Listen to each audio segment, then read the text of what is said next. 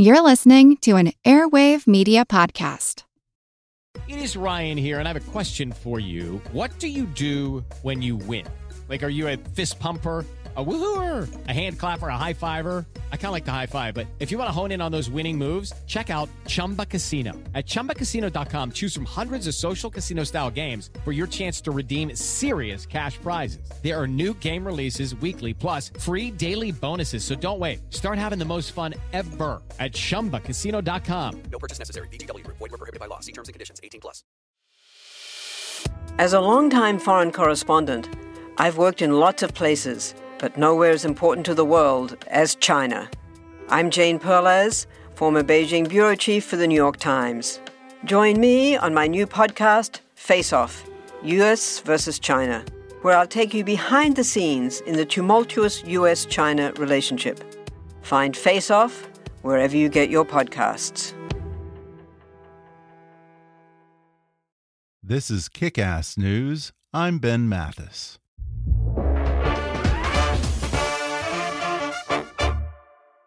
We're sponsored today by A Very Large Expanse of Sea, a heartrending novel from best selling author Tahereh Mafi. Loosely based on Tahereh's own experiences post 9 11, we follow Shirin, a girl who's tired of being stereotyped based on her race, religion, and the hijab she wears every day, and channels her frustration through music and breakdancing.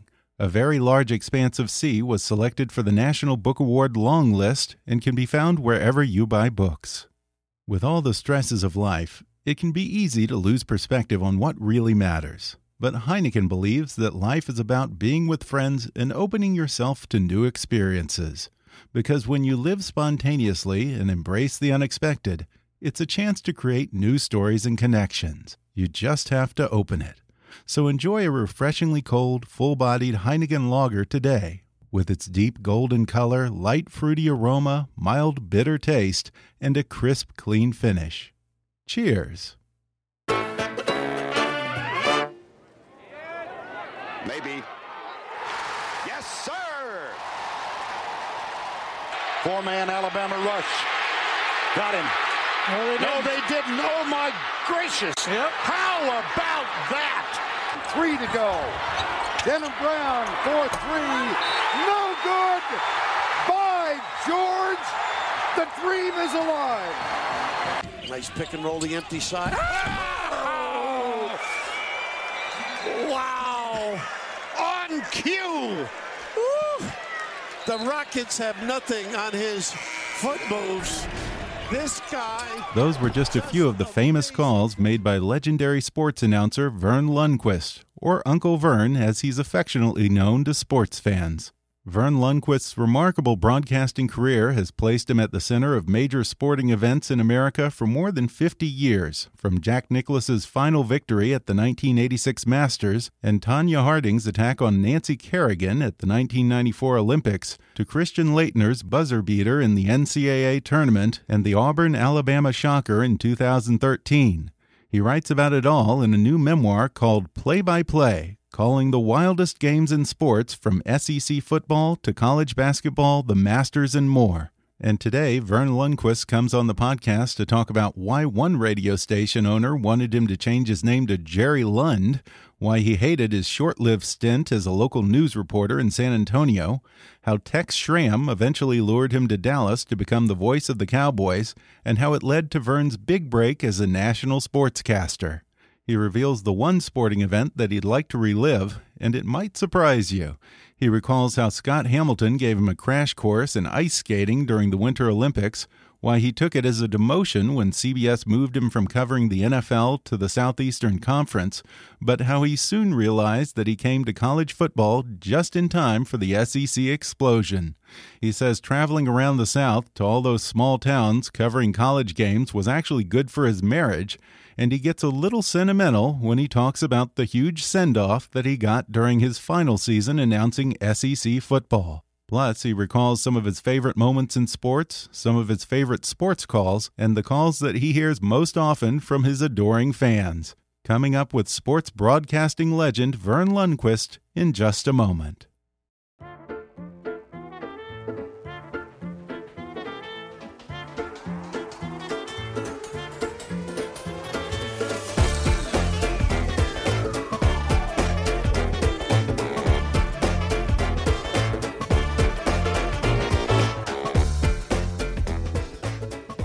Verne Lundquist writes about his remarkable 50 plus year career in sports broadcasting in his new memoir titled Play by Play Calling the Wildest Games in Sports, from SEC football to college basketball, the Masters, and more. Uncle Verne, welcome. Uh, it's nice to hear that phrase again. How does it feel good? Uh, thank you. It, it uh, when I was, uh, I know the fellow who nicknamed me that for the first time. Uh, he's the guy that every day, uh, Spencer Hall, that every day should be Saturday. and uh, almost immediately it caught on. And I take it as a not a, an insult in any way. It's a term of great affection. So, uh, Absolutely. good to hear that. Yeah. Well, Verne, I, I got to tell you, my dad went to Texas Lutheran College, now TLU, about the Come same time on. as you. And he says that he knew you way back when. Do you remember a fella named Harold Mathis? Or you probably would have known him as H.J. Was it Mathis. H.J.? H.J. Mathis, yes, sir. Oh my good. gosh almighty. Yes, of course I do. Now, he told me to ask you if you remember the Volkswagen that some kids carried up to the second floor of Langner Hall or the time someone placed a bunch of chickens in Dean Everett's office. Do you remember that stuff? Uh, I can correct the. I do have a memory of it, but I Yeah. can correct it a little bit. Okay, please do. Four of us who were uh, fraternity brothers, whatever that relevance that has, uh, at T, at TLC then, Right. uh, we we we borrowed a cow, and we walked. Oh gosh, this goes back to my senior year in college in '62. Uh, the four of us, uh, we were all close friends. I don't remember the intent of the prank, Yeah. other than to see if we could pull it off. We hid a, a, a very small classmate of ours in uh, one of the classrooms, put him in a bookcase until they locked the doors of Langner Hall. That's exactly where it was. and we, the, the other four of us conspirators, we went to this farmer's backyard and we led old Bossy uh, about a mile and a half to the campus. And we, we thought we were so clever. and we we fed. Uh, oh, I hope the statute of limitations has run out. He said we the same this thing. cow uh, uh, a laxative, oh, and Lord. then we led the cow up to the second floor.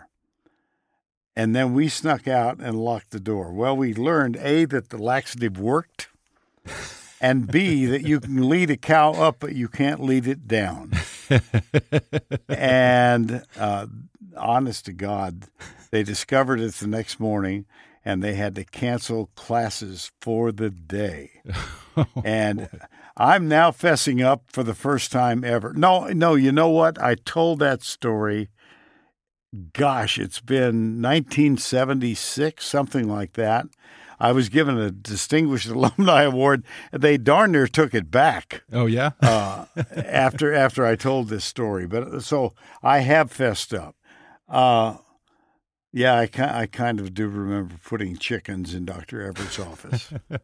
Who knew we such wild times we were not Lutheran? studious all the time. Now, would my dad have known you back then as Verne Lundquist or as Merton no, Laverne no, Lundquist? no. There's a, that's a part of the story too. Yeah. Uh, it is mentioned in the book. Uh, I'm a junior, and I was named at birth Merton, M E R T O N, Laverne, capital L, little a, capital V E R N E, Lundquist Jr. Now, just to give you context, uh, after they got me out into the world, uh, I have brothers named David, Dan, my late brother Tom, and my sister Sharon. So you were the And when test I was case. 40 years old, I finally I, I got my dad in the corner and I said, Yeah. "Dad, about the name. What the hell were you thinking?" and he said, "It's an honorable name." I said, "Well, do you remember Johnny Cash and a boy named Sue?" Uh, because I went by he went by Merton, I went by Laverne, and that lasted all the way through Texas Lutheran. Okay, so what made you finally switch to Verne Lundquist? I got a summer replacement job in Clinton, Iowa. I, I attended the Lutheran School of Theology for one year, and uh, I had this summer job in Clinton, about 30 miles north of Davenport, and the, the School of Theology was across the Mississippi in Rock Island. And the station uh, in my mind is WOC Radio uh, in Davenport. And a guy named Bob Gifford, the program director, called me in.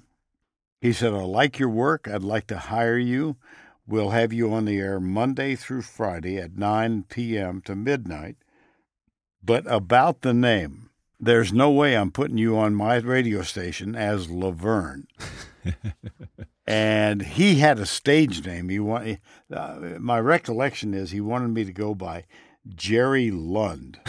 and I said, There's no chance that I'm going to do that. So the compromise was drop the LA off. And so I've been Verne since September of 63. And uh, to this day, if we're at home in Steamboat Springs, my wife Nancy will pick up the phone and she'll look at me with a big grin. She said, It's for you, and it's obviously somebody from college or high school. That's a heck of a mouthful for anyone who was oh, going into broadcasting, oh, I got to say. It was awful. awful. So you graduated TLC, and I think uh, your first big paying gig was working at a station in Austin owned by then Vice President Lyndon Johnson. Uh, did you ever meet LBJ? Oh, yeah, quite often. Mm -hmm. What was he uh, like? Quite often. Uh, he was a hands on guy. Uh, the station was actually in the name of his wife, Lady Bird or Claudia uh, Johnson. Uh, but uh, Lyndon Johnson was very much a presence in the operation of the of the station. And after the assassination, Johnson took over as president, and I used to love when he would come back to the the I guess it was the winter White House. You wouldn't spend the summer in Johnson City unless you were mandated to do so. uh, b- believe me, but they would come back, uh, and and I one of the joyous memories I have of that time when I was in Austin for three years uh, was getting off the ten o'clock news and there was a place in Austin called Scholz Garden, and it was just this welcoming, reminiscent of what you would find in Munich or Berlin or Hamburg or Cologne. Uh, and one of my best friends then and still is is a guy named Neil Spelce. Neil was the anchor man uh, at Channel 7. I was his wingman. I was the sports guy. And Neil and I would get off duty at 10:30 and go over to Scholz Garden. And the White House press corps discovered that place and they would hang out there. And I was enraptured to sit at tables with them and listen to their stories. A about Kennedy, B about Johnson. And and I I just became enthralled with their lives and what they did for a living. And I think uh, it, it, helped me to expand whatever uh, horizons I really had back then. It, it made me aware of a much wider world out there. Yeah. Interesting. So that's where you got your news bug, huh? Because didn't you have a short lived stint in San Antonio as a news reporter? I made a mistake, uh, willingly admit it now. I was there for three years at Channel 7 in my hometown. Mm-hmm. And uh, I grew a little restless, and I accepted an offer to go to Channel 4 in San Antonio. It's the NBC affiliate, uh, WOAI. And I was a newsman for one year. Uh, I anchored the 6 and the 10. Uh, my co anchor was a guy named Mike Henry whose real name, we're talking about Laverne. Mike's real name, he shared with me one night, was Wilhelm Uneright. that would cause you to change your name to Mike yeah. Henry. I, forget there are a lot of uh, Germans in that area, Texas, aren't there? oh my gosh, yeah, all around San Antonio, yeah, and indeed in Seguin, where Texas sure. Lutheran was. Yeah. Uh, New Braunfels, San Marcos, mm-hmm. you go mm-hmm. up in the hill country, Fredericksburg. Yes, sir. Johnson City. Uh, but I used to love to sit around with those guys. There were two CBS correspondents that I remember vividly, uh, both now gone George Herman and Robert Pierpoint, and uh, along with some newspaper guys. And I went to San Antonio, but uh, I'm sure your dad could tell you back then. I don't know if it's still true. Uh, the culture in San Antonio in television news was if it bleeds, it leads. and they would, uh, I accused them of having a phony uh, gas station place that if nothing was happening in the day, they would stage an armed robbery in the place. and that would be the lead. Now, that never, ever, ever happened. Yeah. But if there was a car crash involving multiple fatalities, we'd go four minutes with it. and I just detested Yeah. that culture. So, Right. I don't think you spent more than a year doing news in San Antonio before you took a job in Dallas. And that's what eventually led to you becoming the voice of the Dallas Cowboys, right? I had applied uh, for the job in Dallas with WFAA twice and been rejected. And one of the guys who beat me out the second time was the sports anchor. His name was Dave Lane. He's gone now. Uh, but Dave was a dear friend, and he called me in San Antonio and he said, Jeannie and I are expecting our first child. Uh, I'm going to get out of on the air work and go into sales with the aspiration of becoming a manager. And I want to recommend you for the job, which was so gracious because he'd beaten me out. He was a guy from Temple, Texas. And uh, based on his recommendation, and I had to do another audition, but I did get the job, and, and that really kind of elevated my prospects for getting to a network. We're going to take a quick break, and then I'll be back with more with Verne Lundquist when we come back in just a minute.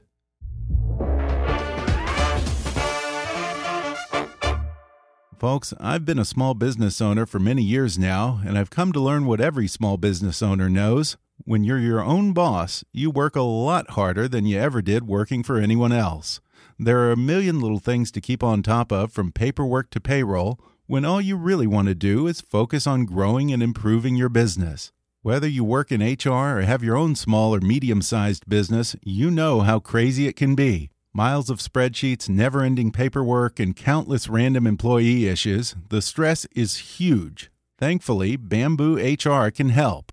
Bamboo HR automates countless tasks and manages all your employee data in one place. That's right, e signatures, onboarding paperwork, personnel reports, tracking everything from time off and training to company assets are all in one easy to use program that's accessible from anywhere. That way, you can focus on people, not processes and paperwork. And right now, Bamboo HR is giving our listeners a special extended free trial. That's right, instead of their standard seven day trial, you can try out Bamboo HR for a full 14 days. The only way to get this special offer is to go to bamboohr.com slash kick.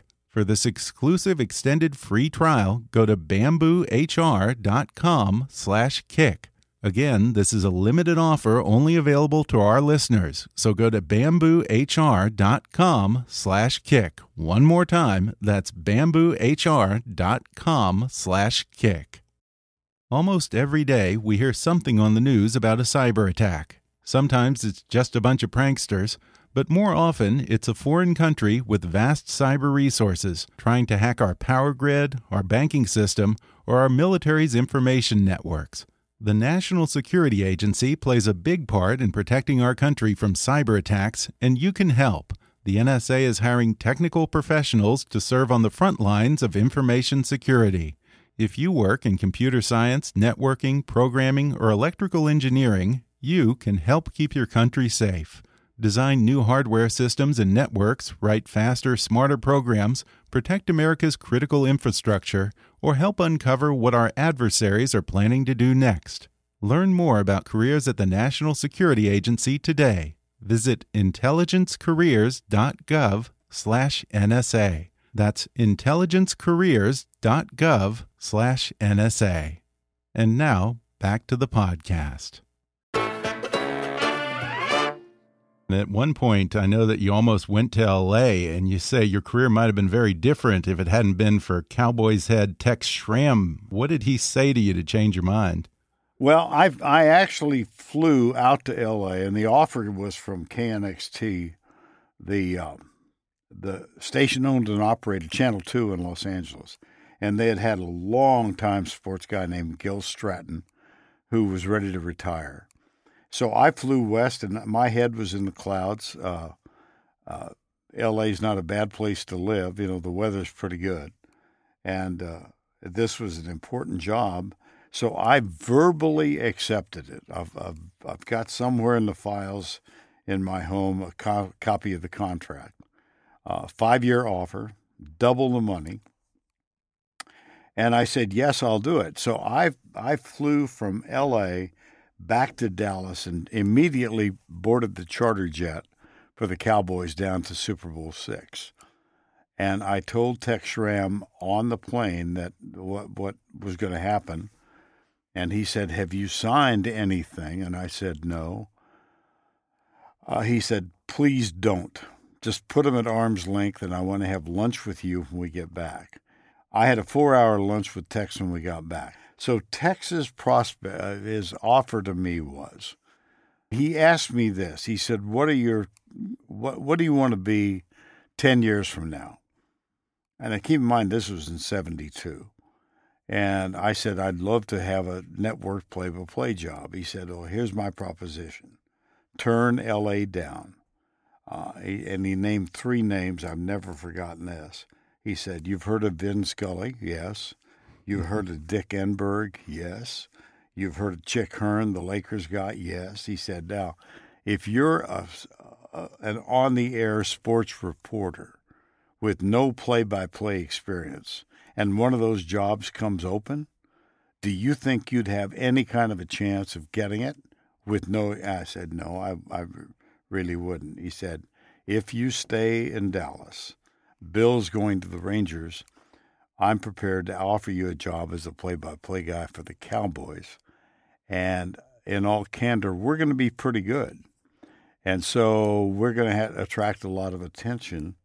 And if you can do it, and obviously I believe you can, the networks will find you.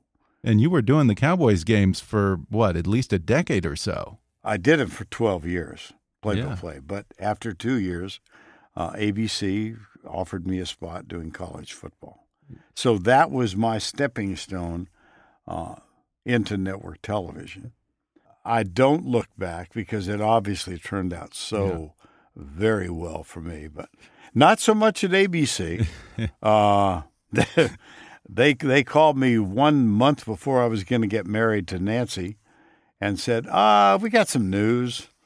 We're not going to renew your contract." As such as it was, it was a minimal thing, but I was pretty much outside the loop until CBS came along. Yeah, Tex was right, and didn't oh yeah, I think you ended up covering twenty something sports for CBS, and somewhere I read that you said that of all the sports events that you've covered, surprisingly to me, the, the only one that you would want to relive or the one you'd most want to relive was actually the Lillehammer Olympics and doing figure skating with Scott Hamilton. What was so special about that to you?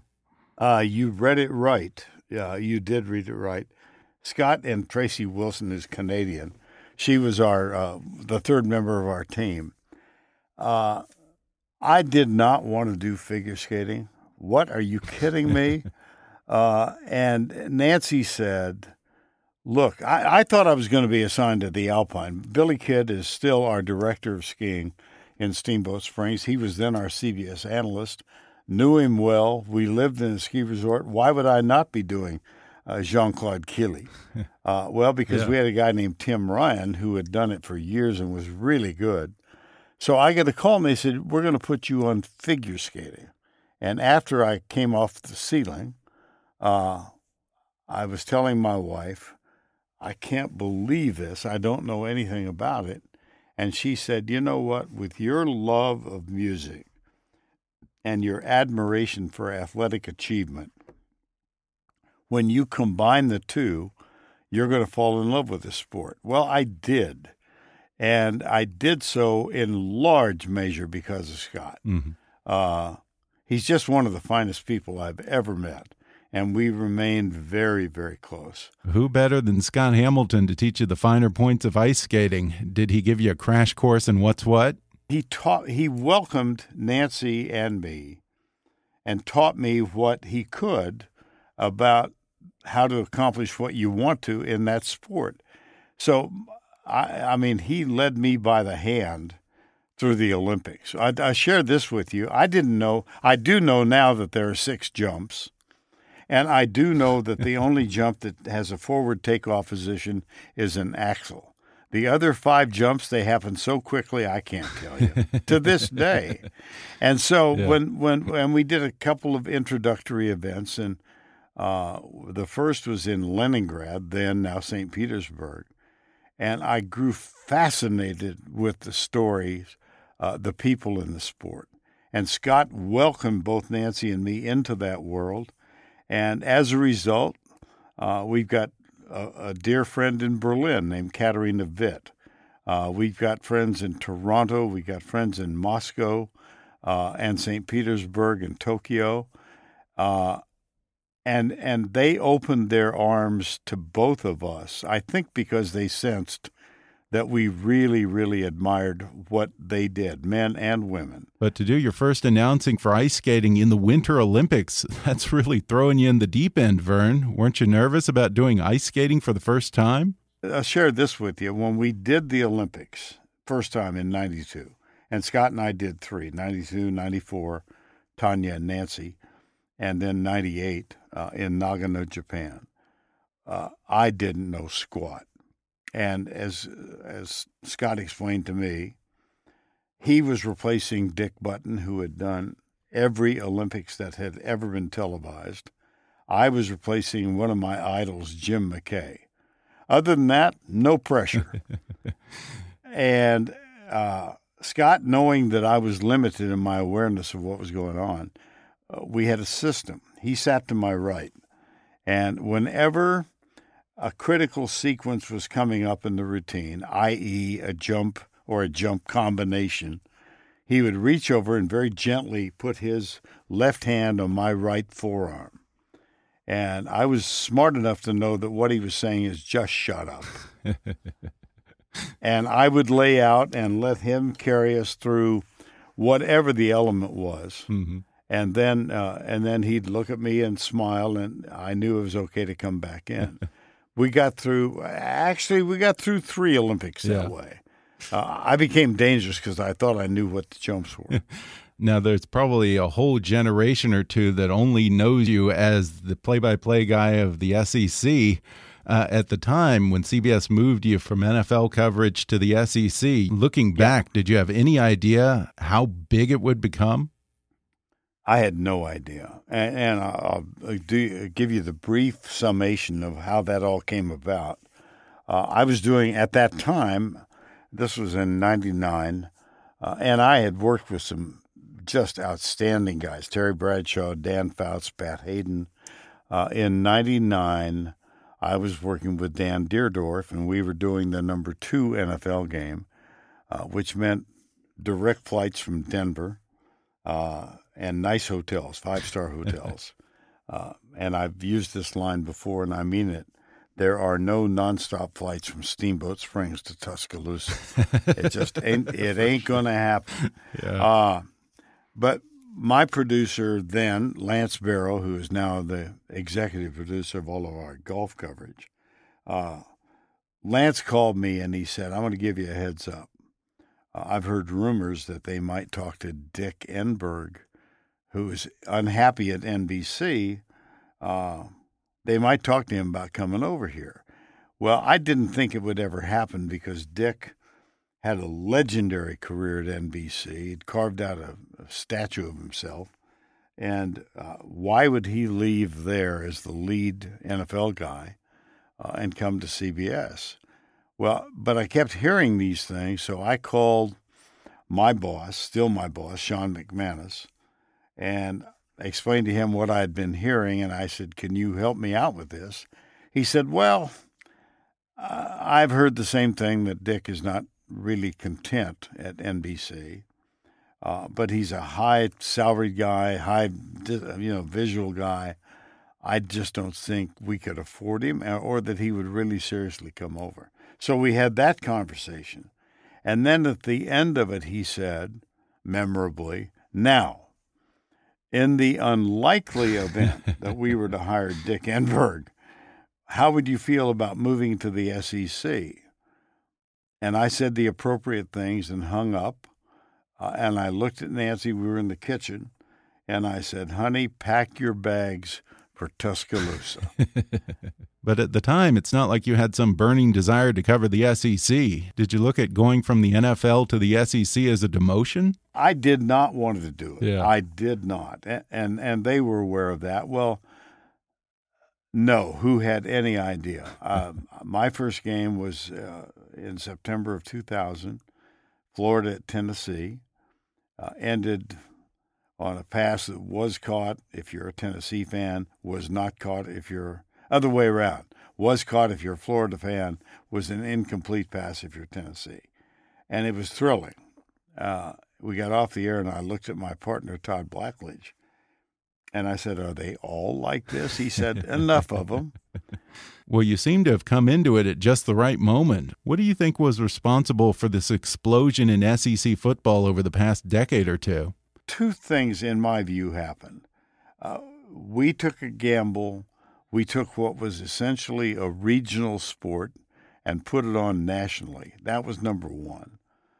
Number two, and even more significantly, the BCS came along. I was never a fan of the BCS, but all of a sudden, as they were attempting to determine uh, the top two teams in the country to meet, every game in the SEC became relevant to every market in the Big Ten, every market in the Pac 12, every market in the Big 12. It, uh, all the games mattered. And almost, I'm almost concurrent with that. Uh, the SEC teams, God love them, went on to win seven consecutive national titles. So our profile, and I worked with two guys, Todd and, and Gary Danielson, uh, each of whom is an excellent broadcaster. Uh, our profile just became a, a gigantic dinosaur imprint. Yeah. And so uh, who who knew? Who would have ever guessed? and so it became the most significant uh, assignment I've ever had. I ever had. Yeah, I have to say, when the higher ups at CBS broached the subject of retirement with you, they didn't just show you the door. It sounds like they did it in a very classy, respectful way. uh, time to kind of step aside. And uh, Sean and I were in collaboration about that. Uh, and so we collectively decided that uh, my final year would be 2016. And uh, it was the right time. I- I'll share with you, I, I said to some guy on a radio station in the SEC about three years ago, I don't want to stay too long. I want to go out with uh, not having made egregious mistakes and and not having lost my enthusiasm. And he very warmly but sarcastically said, "Buddy, that ship has sailed." and I, I got the point, but but uh, they informed me. I didn't get input into the, into the decision, but I I desperately wanted to be someone who was accomplished, and in Brad Nessler they got the right guy. Uh, he and Gary had worked together before. I've known Brad since the early '80s when he was the radio announcer for the Atlanta Falcons. So, absolutely the right choice. And And they gave you a hell of a send off that last season, didn't they? Oh, it was it was just amazing. Uh, it started with Texas A&M and UCLA, and Kevin Sumlin called me in into the meeting room adjacent to his office, and all of a sudden I'm given a pair of cowboy boots and a jersey with number twelve. Well, if you have any awareness of the traditions of Texas A&M, you know the significance of the, the, the mm-hmm. number 12 and the 12th man. So that was the start of it. And then it just seemed to pick up momentum every week. And I was just floored with the, with the accolades and the, and the friendship, and the gestures of kindness by every school. Uh, uh, in the SEC and also Army and Navy, uh, Yeah. which was from for me it was a great way to go out. Oh, yeah, for sure. Well, you know, you've made so many iconic calls over the years. When you run into fans in the streets or out and about, is there one particular call of yours that they love to shout out at you?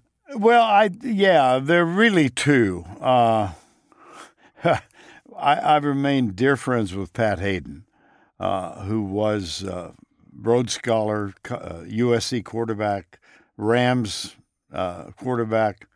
Later became the athletic director at his alma mater, and uh, is also parenthetically now a member at Augusta National. But but uh, Pat called me once and he said, "I want you to know what's going on." Every time we play golf, and there's a foursome that, and he said every time anybody sinks a putt outside of 12 feet, immediately the whole group would go, "Yes, sir." and then, of course, it evolved. Yeah. Now it's, uh, do you uh, in your life have you ever seen? Anybody like that? I uh, yeah, I and uh, I always take those uh, in Yeah. a spirit of gratitude. Well, Uncle Verne, the book was just terrific. Once more, it's called Play by Play Calling the Wildest Games in Sports from SEC football to college basketball, the Masters, and more. Verne Lundquist, thanks so much for talking with me. Oh, it's been a pleasure, and please tell your dad hello. I sure will. Okay. Thanks again to Uncle Verne for coming on the podcast. Order Verne Lundquist's book, Play by Play Calling the Wildest Games in Sports from SEC football to college basketball, the Masters, and more on Amazon, Audible, or wherever books are sold. When you need energy on the go and don't have time to wait in line, grab Espresso Monster. Espresso Monster is a premium blend of espresso and cream made with freshly brewed espresso coffee, hormone free milk, and a unique energy blend complete with taurine and B vitamins. Each can has three shots of espresso and comes in vanilla espresso or espresso and cream flavors. Close your eyes, take a sip, and enjoy Espresso Monster today. If you haven't already, be sure to subscribe to Kickass News on iTunes and leave us a review. You can follow us on Facebook or on Twitter at, at KickassNewsPod. And as always, I welcome your comments, questions, and ideas at comments at kickassnews.com. I'm Ben Mathis, and thanks for listening to Kickass News.